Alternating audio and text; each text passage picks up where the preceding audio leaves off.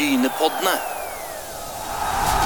Da er vi tilbake i Brynepoddene, og tusen takk for at du har funnet knappene og eh, apparaturen riktig innstilt på Brynepodden. Du finner oss selvfølgelig der du hører din podkast, f.eks.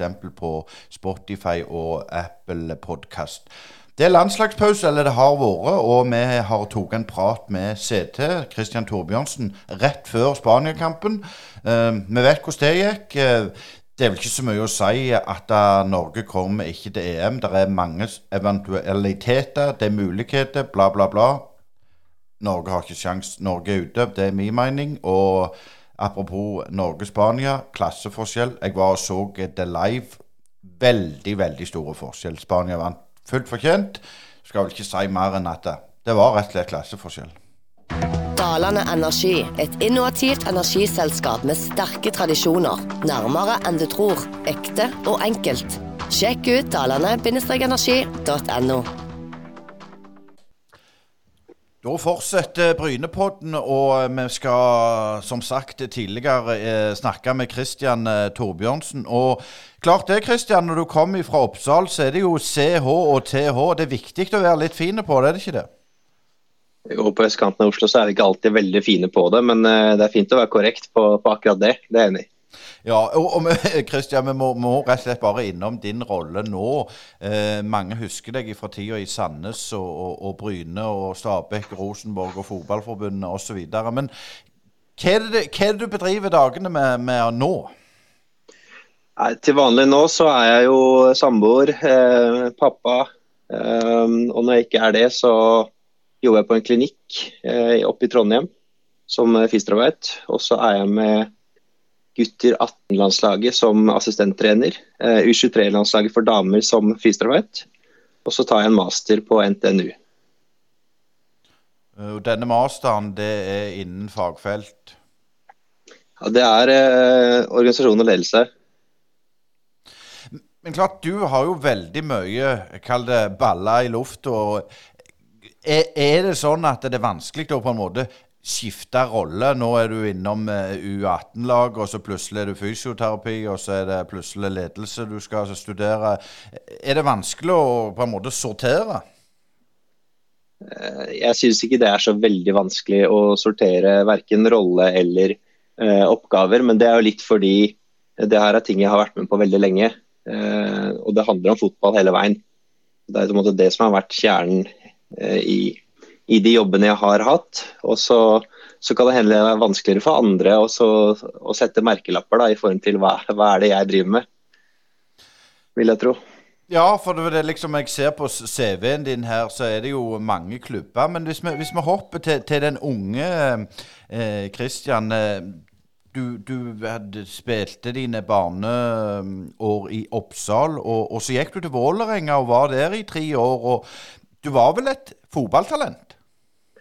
Ja, altså jeg syns jo sjøl jeg hadde mulighet til å bli kjempegod. Eh, og det var jo litt av derfor jeg prøvde å gå all in på, på fotballen også. Og var vel kanskje på vei eh, da jeg gikk til Vålerenga. Hadde gjort det bra som førsteårs senior da jeg var 16-17. Men, eh, men, så er det ikke alle som får ut eh, eh, skal vi si, fulle talentet sitt. Og andre har kanskje ikke så stort talent som de, som de tror heller. Så det ble jo aldri den proffkarrieren jeg så for meg. Det gjorde det ikke. Men hvor tidlig på en måte innså du det at dette gikk? Eller var det noe du ikke innså, men uh, du måtte innse på en måte? Nei, altså det, det vil man egentlig ikke innse før, uh, før toget er gått, da, også før det er for seint. Men det ligger litt i at man hele tida jager og, og, blir bedre og bedre. og Sånn sett så, så er man seg sjøl nærmest òg. Man ser at ting går fremover og man veit ikke helt når du er på topp. da. Um, så nei, altså det var eh, Men sånn, da jeg slutta i, i, Sandnes, da skjønte jeg at det, eh, det ble nok ikke noe proff av meg. Og ble, da skjønte jeg også at det var eh, at eliteseriedrømmen den måtte ryke også. Men når du nevner Sandnes Ulf, det var jo eh, i, i Adeccoligaen som det heter den gang. Og, du, du, du, spilte jo riktignok ikke så mye, men, men, jeg så du, du var med å avgjøre mot Alta, husker du det? Ja, altså det var jo på en måte første kampen jeg starta for eh, Sandnes så det husker jeg veldig godt. Ehm, det ble vel 1-0, om jeg husker riktig. Ehm, Steffen Haugland ble utvist på slutten, så det ble ordentlig rysere med å stå og løpe ut. Men det klarte vi, så det, det var veldig gøy. Men, men, liksom, hvorfor valgte du å, å, å spille i Sandnes Ulf? For du, du var òg innom Bryne som eh, eh, Nå får jeg sikkert kjeft når jeg, jeg, sier fysioterapeut, men iallfall innom, innom det, det teamet der. Og hvordan var den balansegangen? Eh, altså Sånn sett i ettertid så var kanskje ikke det eh, det lureste jeg gjorde, da. Men det var, det var jo litt at vi rykka jo ned med Sandnes Ulf. Og da sto det Det sto det var en situasjon hvor, hvor, eh, hvor vi ble forespeila å måtte gå ned i lønn, alle som, eh, som, var i klubben. Og de lokale spillerne tok, gikk foran da, og, og satt standarden med å ta ordentlig, ordentlig lønns, altså lønnsnedgang, da, men signere nye kontrakter. Så var det måte vi som hadde kommet inn etter opprykket sånn sett da, og vært med bare på nedturen, som, som står da og må velge. da, Skal vi, skal vi, skal vi være med på dette og, og gå ned i lønn, eller skal vi måte, si oss fornøyde og flytte, flytte, tilbake der vi kommer fra? Um, og da, da, ble det fort en, en, hybrid løsning for min del da, når uh, tilbudet fra Bryne kom da, om å få være med i, uh, i teamet der, som fysisk trener og, og fysio. da. Uh, ja, for Da var du et team med, med Rolf Teigen og Haukåsen, Mikael Haukåsen Mathias, ja. Mathias, unnskyld. Bra du retter meg der. Eh, men, men, det er klart, der, eh, der ble det jo òg kutt eh, etter hvert. Og den tida ble vel heller ikke helt sånn du hadde forespeilt deg? Det var en Altså, det var jo Nei, definitivt ikke sånn jeg så for meg. og Man håper jo alltid eh, at det skal gå kjempebra. Det gjaldt jo både i Sandnes Ulf og i Bryne, så håpa vi å få ut enda mer potensial enn det vi gjorde. Eh, og lykkes bedre enn det vi gjorde. Eh, men det ble en veldig turbulent tid, og man, man lærte jo veldig mye da, på kort tid. Eh, både i, i Sandnes og Bryne sånn sett. Eh, men det, ble, det, var, det var en kort preseason i, i Bryne. Den vinteren gikk ganske fort. Vi trente mye, og vi, jeg trente med Sandnes og sånn sett en del lange dager. Men det gikk fint. Og så fikk vi ikke den åpningen på sesongen med, med Bryne som, eh, som, man kanskje bør ha. Eh, lå vel på, godt ned på nedre halvdel. Og da, da ble det jo skjær i sjøen for, eh, for eh, Rolf og, og, klubben, da. Så, så det ble uenigheter der. Um, og da i kjølvannet av det så var det jo en konflikt om hvor rettmessig den oppsigelsen var, uh, som endte jo med en rettssak, i hvert fall for Mathias sin del. Underveis der så, så sa jeg opp uh, min avtale med klubben. Uh, primært fordi jeg mener at man, selv om det er fotball og selv om det, man ikke er fornøyd med resultatene, eh, med rette eller ikke, eh, så, så, skal man ta vare på stillingsvernet og behandle folk fair. Da. Så, så da sa jeg opp den. Eh, og slutta da i, i, Bryne med da tre måneders oppsigelse. Så jeg fikk litt tid med, med Mons Ivar Mjelde også som hovedtrener da, i, i Bryne den sommeren, høsten. Ja, for du, du, du valgte å si opp. Hvis du ser litt tilbake på hva, lærte Kristian i denne litt sånn tøffe og vanskelige perioden, når du ser tilbake? Eh, om jeg lærte hva jeg lærte, og hva, altså, det er jo noe med at uh, man jeg følte, Det jeg følte da jeg sto i det, var at jeg måtte stå for noe. Da. Det, sånn sett så er jeg veldig fornøyd med den avgjørelsen. Og så, og så lærte jeg også at det er egentlig lurt å spørre på hjemmebane om det er en bra avgjørelse. Men, men, når du sier lærte, så kan det hende at jeg også seinere har tatt avgjørelser litt for kjapt. da. Men, uh, men det, i hvert fall det var utfallet. At uh, jeg sa opp i Bryne, og vi da gikk en litt sånn usikker økonomisk fremtid på kort sikt da, i, mm. i, i området. Men det løste seg jo. Ja, det løser seg som regel. Det ble jo litt Hønefoss eh, bl.a. Men dette med å endre kultur jeg, i Bryne, og sikkert når du, når du, var på en måte i lederteamet, du skulle prøve å endre en kultur. Er det sånn er det, Altså, Hvor vanskelig er det når du kommer utdannet med en annen dialekt osv.? Betyr det noe i, i hele tatt i dagens fotball? Eh, ja, det betyr noe på godt og vondt. Eh, altså Hvem du er og du, hvilken ballast du har. Det er klart det, det har mye å si. Eh, også inngangen man har, har også mye å si. Eh, det hjelper om man har, eh, om man har altså, som trener, da, hvis du kommer fra eh, veldig suksess, så, så, hjelper det i hvert fall i starten. Og så, så holder jo ikke det over tid. Man må, man må hele tiden fortsette å, å jage utvikling, og, og, så få til utvikling da, for å, for å, for å ha folk fornøyde. For det er det som er litt av eh, måte, fotballen på godt og vondt, da, er at man, man lever litt fra uke til uke og sesong til sesong. og så man kan vinne, man kan vinne ligaen med, med, Leicester, og så kan man få sparken ikke så veldig lenge etterpå.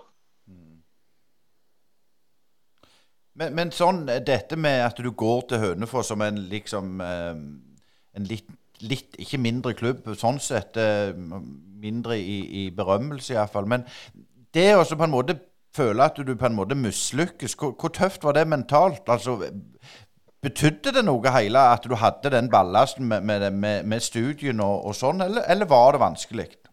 Ja, altså Det var jo helt avgjørende. Um, der er det jo jeg kanskje litt for lite enkel da, i forhold til at for å, for å være på topp da, på høyeste nivå som fotballspiller, så kan det være at du, du må være egentlig ganske godt fornøyd med å ta ganske rå prioriteringer. Så er det ikke alle som gjør det, men allikevel er gode. men du må i hvert fall eh, du må sove, spise, trene godt. Eh, og så har du egentlig mye luft på dagene. Eh, og jeg trivdes ikke, eller trives ikke så godt med så mye luft, så jeg, jeg syns det er ok å fylle de med, med, jobb eller studier eller andre ting da, hvor man får litt utfordring for, for hodet eller for ja, på ulike nivåer. da. Og, og da når jeg da studerte ved siden av det var det som gjorde at jeg da eh, flytta til Hønefoss, var jo ikke fotball lenger. For det, da jeg dro dit, så var det for å være fulltid med et lag. Og Hønefoss hadde rykket opp, hadde egentlig en litt gøy satsing hvor de hadde en, måte, en rik onkel i, i, i bakhånd. Eh, satsa tungt på investering i nye spillere, henta spillere som kom fra seriemesterskap. Eh, noen som var up and coming. Så det var en sånn spennende miks, men også en, når du snakker om kultur, da, eh, både krasj og en kjempeutfordring. Eh, og så var jo den Hønefossen var jo, det var en veldig gøy eh, tid, det også. Hvor igjen hvor man lærer mye, hvor man får jobbe under flere forskjellige trenere. Og, og, det er noe av det som jeg tar med fra fotballen som har, vært, som har vært veldig gøy å få lov å være med på. er jo, Selv om jeg har vandra litt fra klubb til klubb og kanskje ikke lykkes som, som spiller eh, på det nivået som jeg hadde lyst til, så har jeg fått oppleve utrolig mye eh, i gode team da, og på bra nivå. Og, og ja, når jeg kom til Hønefoss, så var, så var ikke det noen nedtur sånn sett. Verken eh, første året i Eliteserien der med, med Ole Bjørn Sundgodt først, og så Bukken og Reidar Vågenes. Um, og så da nedrykk, men også da påfølgende år med veldig gøy sesong da med, med Paco og, og Leif Gunnar Smerud. Uh, hvor vi tok Hønefoss opp, og sommeren etterpå så var vi vel på fjerdeplass til sommeren. Så det, det, det, var en fin tid i Hønefoss også, selv om det endte jo med nedrykk i 2013. Så, så var jo det veldig utfordrende. Et lite team som måtte jobbe hardt. Uh, ny, nytt sted, men nærmere hjemme. Det må du ta med. da.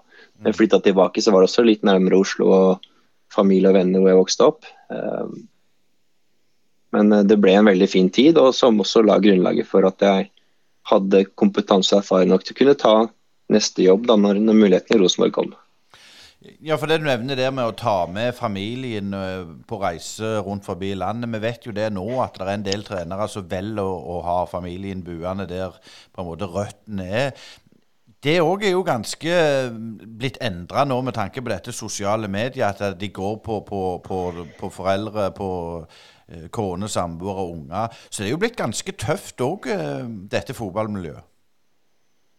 Ja, det er ingen tvil om det. At uh, det med sosiale medier, det, det, er en inngripende del av hverdagen. Altså Én ting er på sosiale, på få en til uh, privatliv med familie, men også på, på det du møter på jobb. da. Eh, de menneskene du jobber med, den eh, evnen til å ha oppmerksomhet med hverandre, den måten å kommunisere på i garderoben, som her er fantastisk endra altså fra, fra, fra, da jeg kom inn i en A-garderobe som 16-åring, og det var, det var stort sett godt voksne karer da, som Kom tidlig, halvtime før trening eh, i hvert fall. Satt og fortalte historier og røverhistorier og vitser. og, og Den kulturen den, den, er ikke der på samme måten at man forteller historier. Det er mer at man liksom, ja, ser her på TikTok eller Instagram eller scroller på hver sin telefon. da.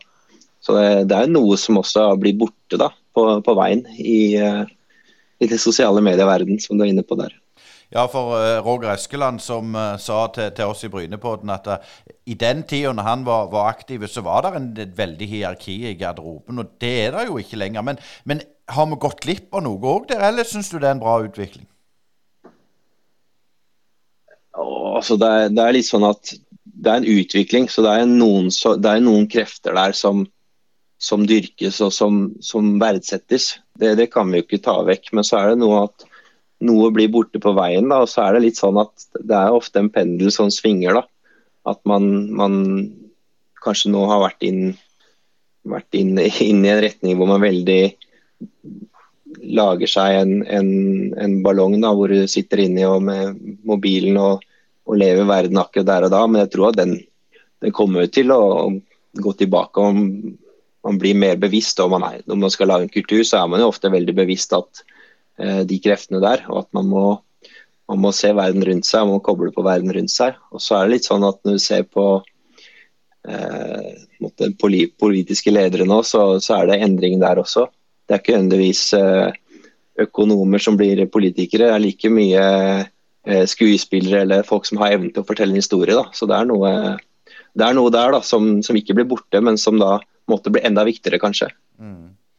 Og Det sa jo Dag Oppjordsmoen til oss òg, at det er viktig å fortelle en historie når du skal inn og, og, og få spillere, få trenere. Når, når, du gikk til Rosenborg, hvilken historie fortalte deg? Ja, Det må jeg si da, at uh, måten uh, man ble tatt imot i Rosenborg uh, 2014, det var, det var, kjempefint. Det var, det var Erik Hoftun som før jeg hadde signert, tok meg på på møtet hvor han fortalte, fortalte, om historien, fortalte om kulturen, fortalte om verdiene. Sånn at man på en måte ble satt inn i, inn i Rosenborg-kulturen på den måten. da. I hvert fall den Man har en veldig stolt historie i Rosenborg. Og også en, en, kultur og noen verdier som står veldig sterkt. Og som, øh, som, de også har vært flinke til å eh, måtte etterleve. Og som, som, som som er veldig tydelig, og det gjør også at det blir målt i stor grad på dem fra, fra mediene og fra supporterkulturen, på godt og vondt. da. Men, uh, men, akkurat den delen var veldig bra, uh, måten man ble tatt mot. Men når, du, når, han forteller, ønsket de å endre litt på kulturen, eller skulle de bare forsterke det som var bra, eller hva, hva vibbe fikk du, mest sagt? Ja, men der, der har du jo flere nivåer, da. Fordi du har, du har jo den eh, Kall det Rosenborg-arven, da. Mm. som, som, som, ikke skal forandres i særlig grad. Den skal kanskje moderniseres og, og være, leve i nåtiden. Men, eh, men, det at man har sånn engasjement og samfunnsansvar og måte, at godfoten står, står, i klubben, det, det ønsker man ikke nødvendigvis å forandre. Eh, det som var tydelig i 2014, var jo at man var ikke fornøyd med det klubben hadde prestert sportslig eh, de siste årene, altså før det. da. Og Det var vel en cupfinale i, i 2013 som vi tapt mot Molde, men utover det så var det litt skralt da, på medaljesiden. Eh, og da, da, jager man på en måte hva er det som ikke er bra nok. Eh, og der var det jo flere ting som som ikke var bra nok òg, som, eh, som, man måtte endre, da. Men hvor mye er det viktig for en fitnesscoach det står her du, du var eh, Eller er det bare sånn at du er sett til å gjøre den jobben og ferdig med det, eller blir du involvert i de store linjene, kall det det, da? Altså, I 2014 så, jeg, så var jeg ansatt som, som fysio bare eh, de første årene i Rosenborg. Da var vi to fysioterapeuter, og så hadde vi Geir Håvard Gjelde som, som fysisk trener. Og da, da, klart, da skal ikke jeg ta stor plass. og det, det, var, det, var, ikke viktig for meg å ta stor plass, og det, det skulle jeg heller ikke gjøre. Eh, men, eh, men, samtidig så er det interessant da, å, å, å se, eh, se, hvordan håndterer spillergruppa ting, hvordan håndterer da ledergruppa, hvordan er synergiene der. Og så etter hvert så så fikk jeg en litt annen rolle, og da må man selvfølgelig også ta, ta mer ansvar, da. Ja, for jeg tenker det Når du, når du ifra, går fra, fra, Hønefoss til Rosenborg, så er det jo milevis eh, i forskjell på, på, historie og kultur. og Ble du overraska hvor stor forskjell det egentlig var?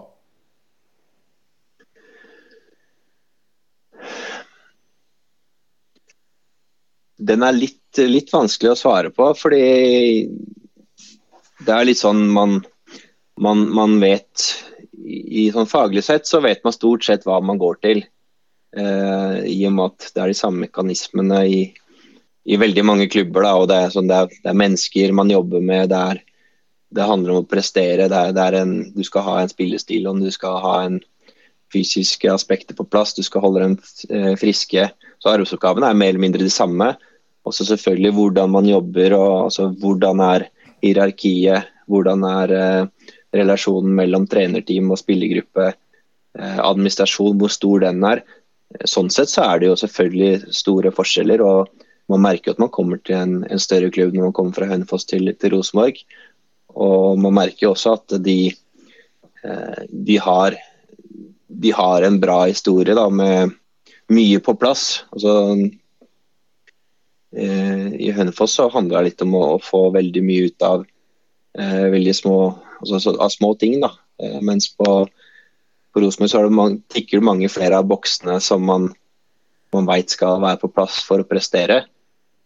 Eh, merker man særlig når man drar Når vi dro på, til Europacup, så merka jeg at det her var dette var, det var, det var, ikke første gang de var ute og reiste, for å si sånn. Det, da ting var på plass, da.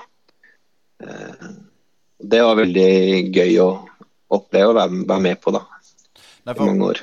Jeg tenkte litt sånn som så Bryne var jo gode på 80-tallet, og det henger i veggene. Det, det, altså, det kan fort bli en ukultur òg, men når du kom til Rosenborg, så hadde de jo herja i Champions League i årevis. Men, men, er det liksom det jeg føler? Vi har jo snakket med en del trenere som sier de kommer inn i et maskineri. Men er det sånn at, at får du på en måte høye skuldre, eller, eller er det sånn at du er så trygg på det du skal gjøre, at det betyr liksom ingenting? Det tror jeg er veldig individuelt. Du har jo eh, Hvis jeg skal snakke for min egen del, så var det, det, var det som var trygt med å gå til, eh, til Rosenborg for min del, var jo at eh, vi hadde Håkon Svabe der fra før. Jeg hadde jobbet med i Rosenborg. Og, og det var han og jeg skulle jobbe sammen på det medisinske. Og vi hadde tre ortopeder som var drevne, som, som var ansvarlig for det vi gjorde. Så det var så hadde vi en fysisk trener, Geir Håvard, som, som også var rutinert, og som som, som kunne ta, ta måte, fighten hvis det var sånn vi var usikre på, på hvor mye belastning kan vi kjøre på ulike spillerne. Så, så det var ikke veldig utrygt, og man, man, følte at man hadde gode muligheter for å spare og diskutere. og Så lenge du har gode muligheter for å kommunisere, så, så tar jo det av mye av, mye av belastningen ved å eventuelt usikkerhet på, på det faglige. Eh, og så kan man måte, slippe seg fri da, og utfordre hverandre for å få det best mulig. Eh, på spillersida så er det selvfølgelig også eh, noen som hever seg ved å komme til den type utfordringer, mens andre sliter med å håndtere det. det. Det vil jo være individuelt. For, for i, i, i, denne perioden så, så begynner du å er rundt U21-laget på, på, på landslaget. Og, hva var det som trigga deg å begynne likt i, i landslagssystemet? Nei, altså, Jeg er litt usikker på hva, hva var som trigga. For det, det, det var mer at jeg fikk mulighet til å være med i et team hvor eh, Leif Gunnar hadde tatt over akkurat som og hadde etablert egentlig OK team hvor han hadde med Bård Ove Homster som fysisk trener. og Så var han i Celtic og kunne ikke være med hele veien. Så det ble litt sånn jeg fylte inn eh, de samlingene han var borte. Og det er selvfølgelig det å få lov å kjenne på en annen kultur innimellom, gi og variasjon. Da, og som, som jeg var inne på i stad, syns jeg det er gøy med å få utfordre seg sjøl litt. Så det var egentlig no-brainer å, å, bli med der så lenge det var OK med, med Rosenborg. Ja, for Leif Gunnar har vi jo hatt i, i, i poden òg. Og det er klart det, det, er en tenker og en, hvis vi kan kalle det en intelligent det person. Når, når, du var spiller, litt tilbake til det. det er klart Når du er i Sandnes Ulf, så regner jeg ikke med det er så mange du kan uh, diskutere dype for å si de intellektuelle samtaler med. Men, men, men hemma det deg òg litt som fotballspiller, at du var tenkende? Uh, bare For å begynne med ta, ta litt Sandnes-spillere litt i forsvar, da, så må jeg si at du, du hadde en veldig fine typer der. Altså, du hadde, du hadde altså, Vestli som studerte og ble, ble jurist på en måte, mens, han, mens han spilte, han også. så det var, Han er frikjent, og det, det, var flere med han. og du har, du har liksom Jarle Mong som skriver blogger og har ganske dype tanker om livet. Så eh, det, det var mulig å og, å, å, snakke både om fotball og andre ting i den, i den klubben der, da. Det var det. det er bra. Men det er liksom det jeg tenker. Er det, er det, blitt så profesjonelt i dag at du på en måte Kan du være en toppidrettsutøver og spille i Tippeligaen og i Europa og, og, ha en tung uh, master uh, som du holder på med på sida, tror du? Altså, det Jeg må si ja. For det, det fins eksempler på at de går. Flertallet vil jo si at det er veldig vanskelig. Mm. Så du har jo Mikke tok jo sin utdanning mens han altså Dorsin, eh, mens han spilte eh, proff da, og, og, i Norge. Eh, André Hansen også tok sin juristutdanning mens han spilte i Rosenborg og fullførte den. Han spiller jo fortsatt, og han er ferdig, ferdig utdanna. Så det, det, er mulig, men å gå litt tilbake i tid. Arne Gauter Arason, eh, samme.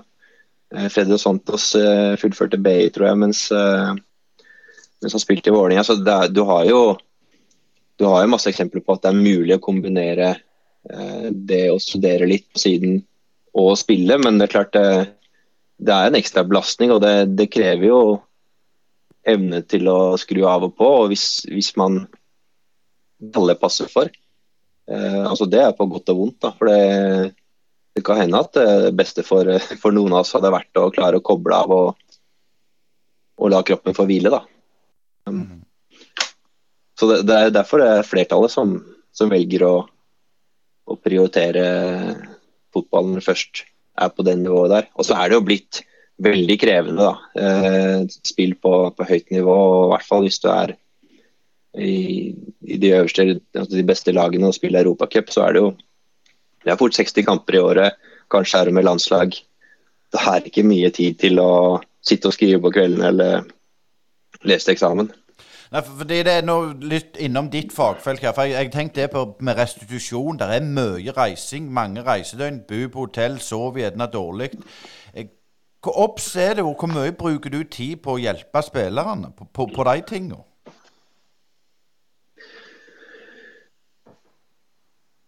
Da må man nesten svare litt fra For det varierer jo da hvor mye, hvor mye gjør man og hvor mye kan man gjøre for, for spillerne. Altså, noe av det man Det viktigste man gjør, er jo at man lærer opp spillerne til å ta gode valg. At de, at de kjenner til eh, hvor mye de trenger å slappe av, hvor mye trenger de å sove. Spiser de riktig? Eh, hvor viktig er det å spise med en gang? Altså, at ernæring er på plass og søvn er på plass. Eh, for Det er de viktigste faktorene som du må ha da, for, å, for å holde deg flytende og kunne prestere over tid. Eh, og så er det selvfølgelig eh, noen man må hjelpe mer. Én ting er med opplæring, men andre ting er å få ting til å gå opp. Da. Og da vil det jo variere hvilken rolle man har og hvor tett man kan være på spillerne. Altså, I landslagssammenheng så er det, er det, litt vanskelig, for vi har spillerne inne i Sist med U23 så var det vel fem dagers samling. Og vi, vi, vi flyr inn og måtte, er der på hotellet til kampen er spilt, og så har vi en dag, og så flyr vi hjem. og da klart du, du, kan, du kan lære opp litt, og du kan snakke med hvordan ting fungerer i, i klubb og, og, på landslag, men, det er, men det, det er, stort sett i klubb at man må legge de, de på grunnmuren da, for, for, det, for dette. Men, men syns du det er for lite fokus på, på det, akkurat det du nevnte der? Jeg er usikker på om det er for lite. Det kan hende at jeg er veldig bevisst da, i og med at uh, det har vært litt mitt fagfelt. Men uh, i de klubbene jeg har vært, så opplever jeg at trenerteam og spillergruppe alle er opptatt av det. Uh, det, det, var ikke noe Ta Rosenborg, da, så var det Vi hadde egen kokk. Vi hadde liksom, lagt til rette med en ernæringsfysiolog som har satt sammen eh, menyer på treningsleir og kamp. Eh, eller treningsleir og europacup. Eh, det, var, det var frokost, lunsj og, og, middag til spillerne. Og det var eh, individuell samtale med Det var blodprøver, det var eh, På slutten hadde vi også, eller det har de sikkert fortsatt, eh, søvnradarer som gjør at de kan eh, måle hvor godt spillerne sover og gjøre individuelle tiltak ved behov. Da. Sånn at, eh, at, det er, at, det er, stor bevissthet og at det jobbes mye med på i hvert fall de, de, de beste klubbene. Det er jeg ikke i tvil om. Eh, vi har jo snakket en del om i denne Brynepodden om dette med kunstig intelligens. Hva er ditt syn på det, og er det noe vi må ta inn over oss og, og på en måte lære å håndtere? Altså det, jeg vil si at det, det, man bør ta det inn over seg så fort som mulig. Eh, ikke nødvendigvis fordi man, man, liker eller ikke liker det, men det er jo det er en utvikling som, som er her, som, som, påvirker hverdagen. Da. Så man kan velge å sette seg inn i det, eller man kan eh, velge å her, men eh, det har konsekvenser for hvordan vi lever. Sånn sett så så vil jeg anbefale å sette seg litt inn i det. Men tror du det kommer mer og mer innen i ditt fagfelt? Ja, det vil jeg gjøre. Uh, vi, vi, hadde uh, Vi jobba med noe som heter Kitman Labs i, i Rosenborg, som var en, en, en kommunikasjonsplattform. Uh, hvor man kan legge inn både, både fys fysiske data fra, fra tracking men også subjektive data som, eh, som wellness. Da. Hvordan sover de, og hvordan opplever de hverdagen. Eh, hvordan føler de seg uthvilt. Eh, og klart Hvis du har mange nok sånne parametere, så, så, så, vil dataprogram over tid kjenne igjen mønstre og kunne gi gode råd. Da. Så det, Kunstig intelligens har jo gjort inntog allerede i, i det fagfeltet. og det så, så handler det om hvordan man anvender det. Eh, det, fortsatt så er ikke dette eh, fasit, men, men, at det kan hjelpe i, i, til å ta gode avgjørelser for å hjelpe spillerne optimalt, det, det, den, den eh, retninga går det. Men hva, hva sier spillerne? Syns de dette er helt greit å, å være en del av? Der vil det alltid være litt skjæringspunkt mellom, eh, mellom måte, privatliv og oppfølging og for noen liker å, å koble av og koble på. Mm. Og, og ja, ta en kald en etter kamp og ja, sitte oppe litt lenger og sove, sove lenger på dagen der, derpå. Mens andre eh, ønsker egentlig bare å hente marginer for å bli så god som mulig. Og klart Når vi skal, skal, forske på det, så gir jo summen av de to gir jo, veldig, gir jo ingenting. Men i forhold til individuell oppfølging så Eh, å kunne la folk være seg sjøl. Prøve å, å, ta hensyn der man kan ta hensyn. Og samtidig ikke løpe noen risiko i form til overbelastning eller når er det man kan gi ekstra hvile? Når kan man, når man heller fram med pisken for å få dem til å skjerpe seg? Altså, for det, det, handler også om trivsel over tid. Da. Mm. Så, hvor det er veldig komplekst. Det er veldig mange parametere som spiller inn. Og så, så har vi uansett ikke nærheten av å ha kontroll på alle. Sånn at det handler om å ha kontroll på noen viktige, og så prøve å lage så gode eh, rammer for gruppa og, og for hvert individ. da. Mm. Eh, nå hadde jo du eh, eh åtte år vel så det i Rosenborg, og, og, flere trenere og på en måte ledere, spillere ut og inn. Men dette psykososiale arbeidsmiljøet det er litt interessant.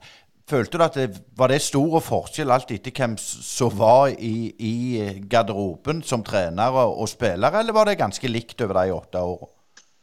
Ja, det var, det var, veldig stor forskjell. Eh, både fra klubb til klubb som jeg har vært i, men også innad i, som du nevner, Rosenborg. Mm. Og, og, der er det store forskjeller både på, på trenersiden, men også på eh, støtteapparatet. da, Den kulturen du er i eh, rundt laget.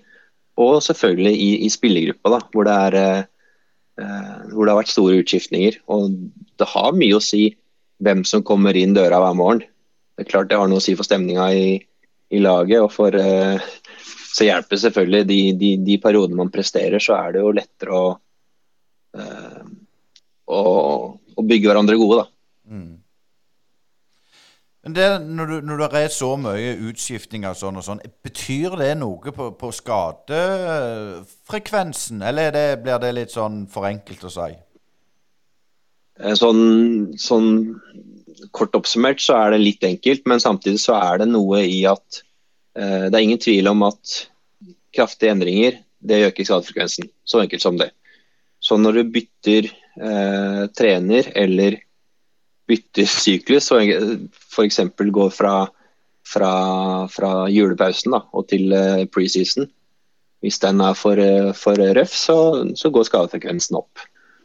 Eh, men det kan også være så følsomt som at du spiller på en, en måte med en trener, og så legger du om det trenger ikke å være veldig mange taktiske prinsipper som endres heller, men, men, de arbeidskravene som endres for noen av spillerne, pluss da måten man trener på, kan være nok til at du da får, får noen skader da, i, i, troppen som du lurer på hvorfor kommer. da.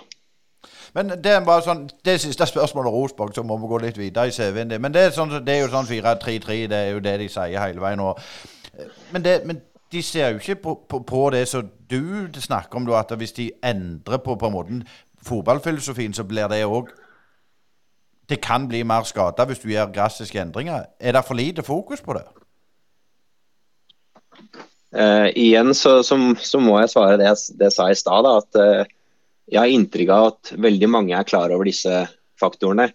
Og de så fotballtrenere nå til dags. Det er, det er veldig bra, det er bra utdanning sånn faglig sett på, på kompleksiteten i ting. Og, og, så, sånn at det er mange som veit om det, og så er det av og til at man man kan ikke, man kan ikke alltid sette det først. da. Altså Når det kommer inn en ny trener, så, så er det viktigere for vedkommende å få måtte satt en spillestil. Ja, det også, for det, de, lever av resultater.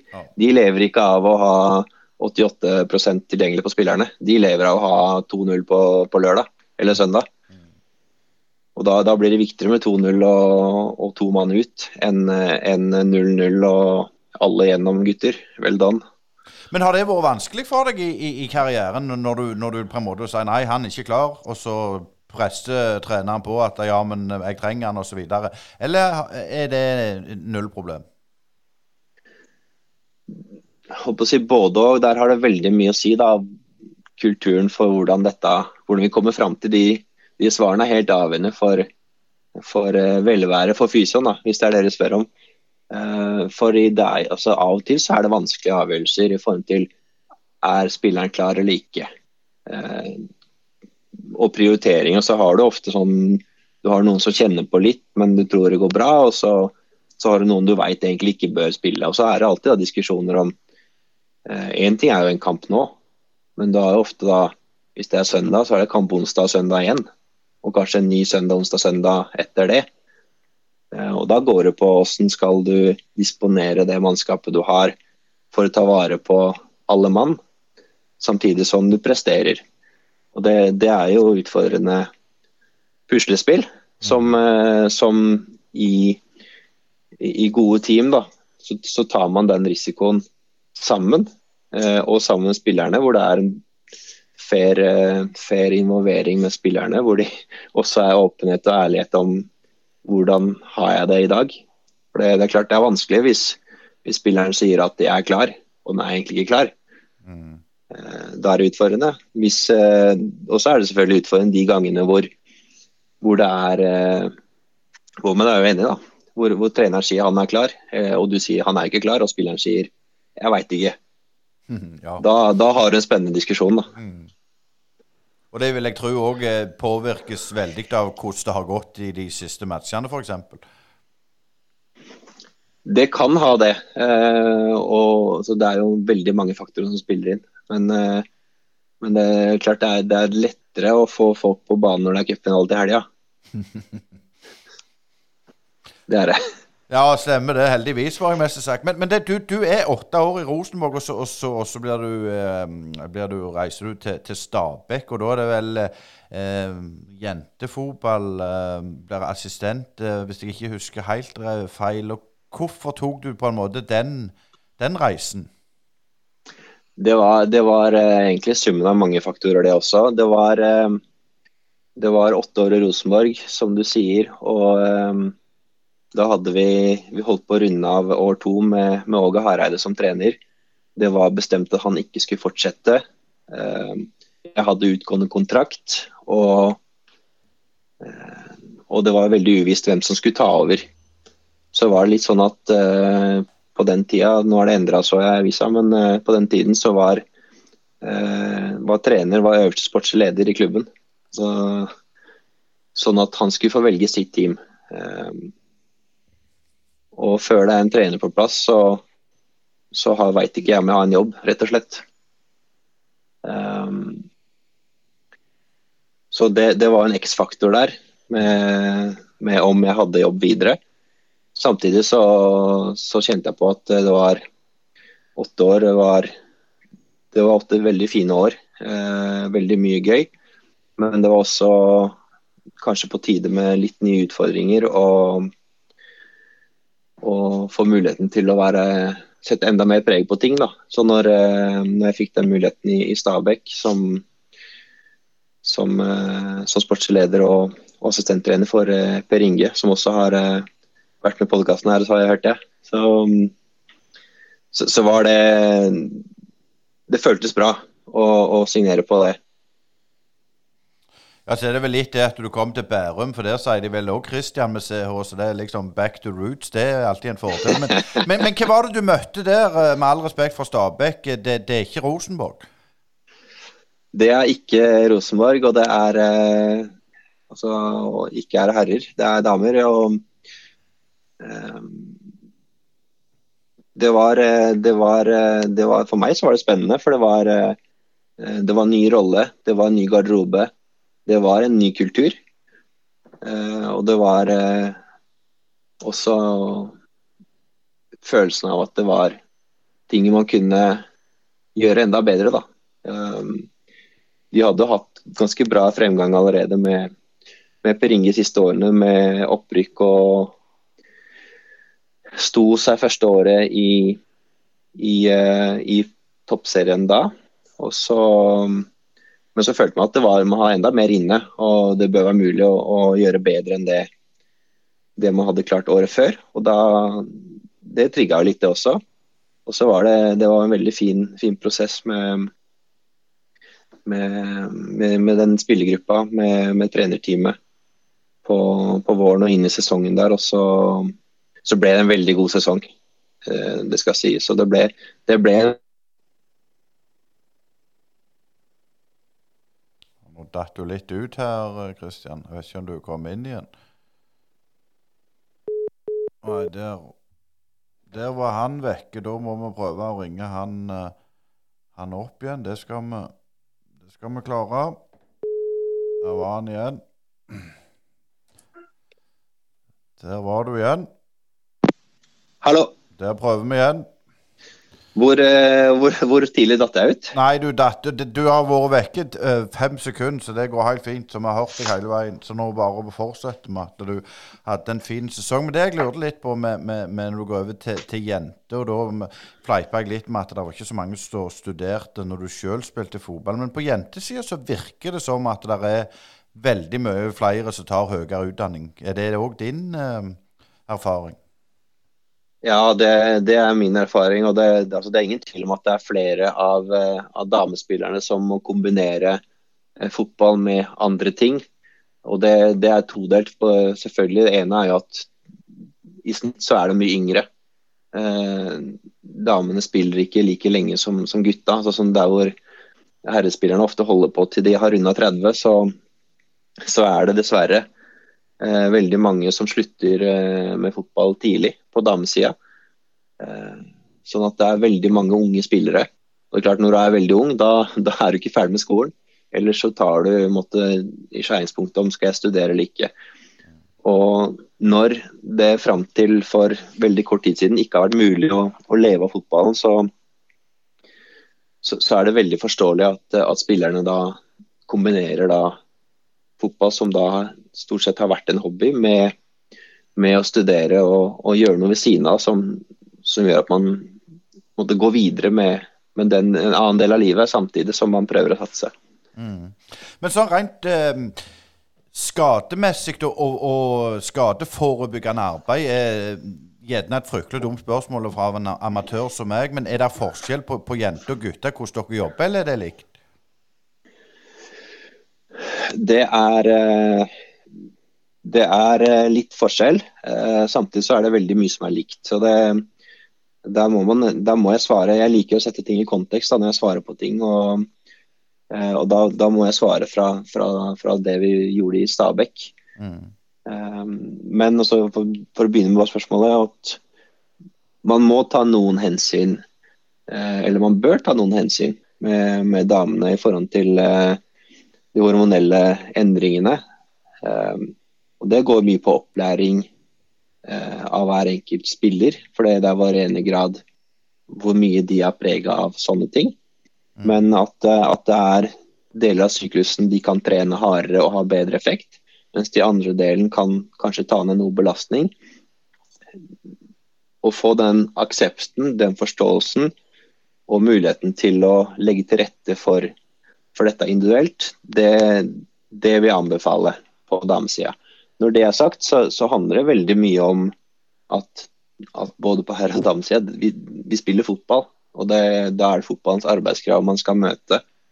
Eh, og Så er det litt forskjellig selvfølgelig hvor, hvor, hvor mye sprinting skal, skal til på, på, ulike nivåene, men det handler om å spille fotball på best mulig nivå. og da, da er det en del ting som går igjen. Da. Så det, det hjelper å være sterk i baksilår og sterk i lysken og, mm. og, god stabilitet i ankler og knær. Det, det gjelder både damesida og herresida. Sånn sett så, så, så, har man gode rutiner for å aktivere og gjøre seg klar til trening, man har en, en oppvarming, man har man bygger opp eh, økter og sykluser eh, relativt likt.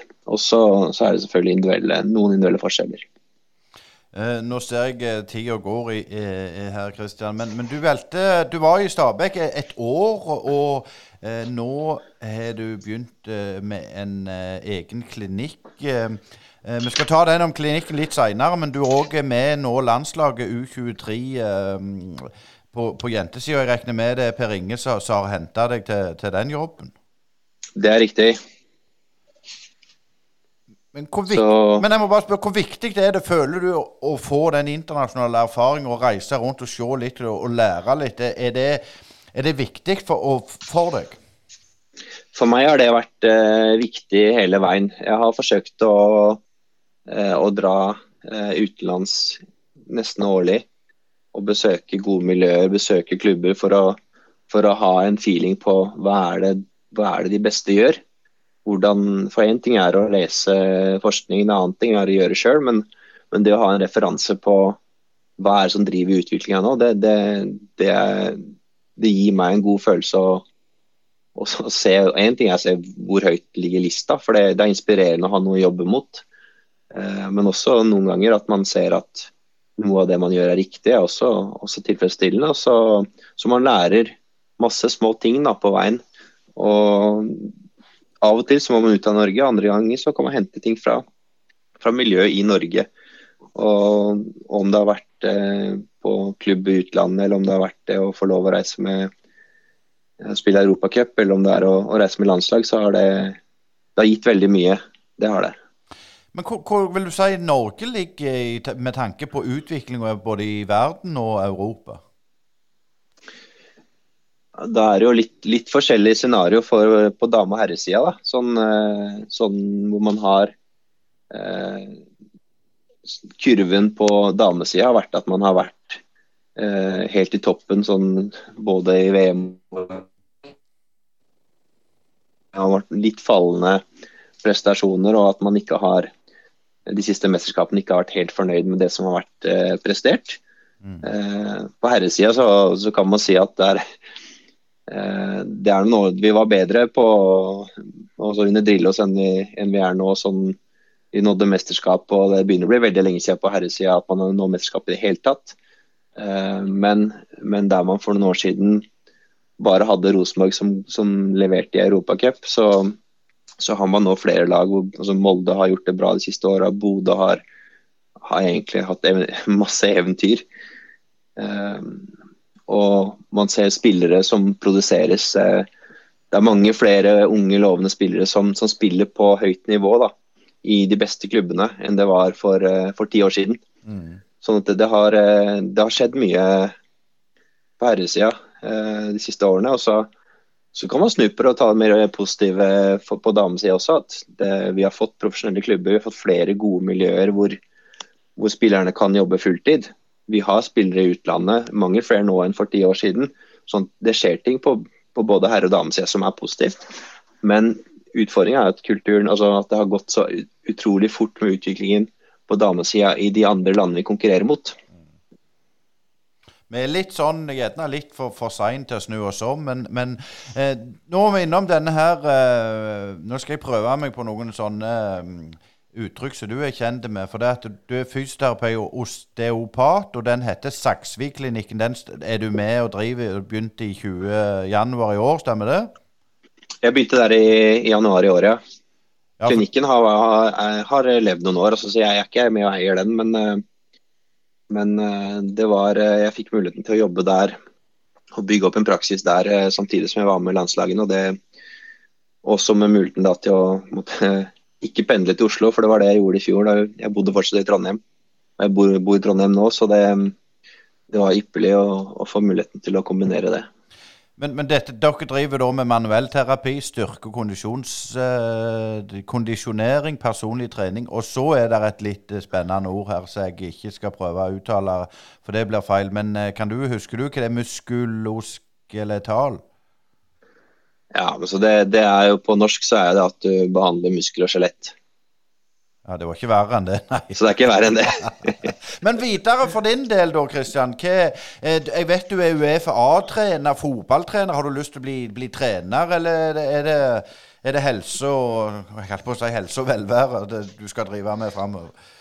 Ja, men så Da er jeg tilbake til det vi var litt så vidt innom innledningsvis, i forhold til med merkelapper. fordi Du spør om du kan tenke deg å bli trener. og Jeg føler også jeg er assistenttrener på gutter 18-landslaget. og er med U23 og, og får påvirke på, på hvordan vi jobber der. Så, så, jeg føler at jeg er fotballtrener, det har vært det i mange år. Men litt at fordi man gjør andre ting, så er det den merkelappen som er, som er tydeligst. Da. Ehm, for meg så har det vært veldig gøy å få lov å være med og jobbe i, i gode team. Og det, det, er kjempeviktig for meg å ha, å ha team man, hvor man kan eh, snakke til lagets beste. Da. Altså Man må tørre å si hva man mener, tørre å ta feil hvis, det, hvis man tar feil. Så, for da tør man å, eh, å komme med de gode ideene også, uten å være redd for at det av og til blir gærent.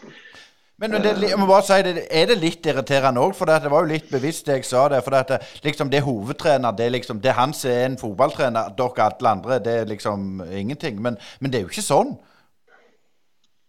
Nei, det er ikke sånn. Og, og det, utviklinga der går jo at eh, eh, altså Norge har man ganske flatt hierarki da, sammenlignet med veldig mange andre kulturer. Og, og man har i, i, veldig mange år så har man hatt Jeg har i hvert fall jobba med veldig mange trenere som har vært flinke å involvere teamet sitt og respektere f.eks. medisinske avgjørelser, spille på styrkene i teamet.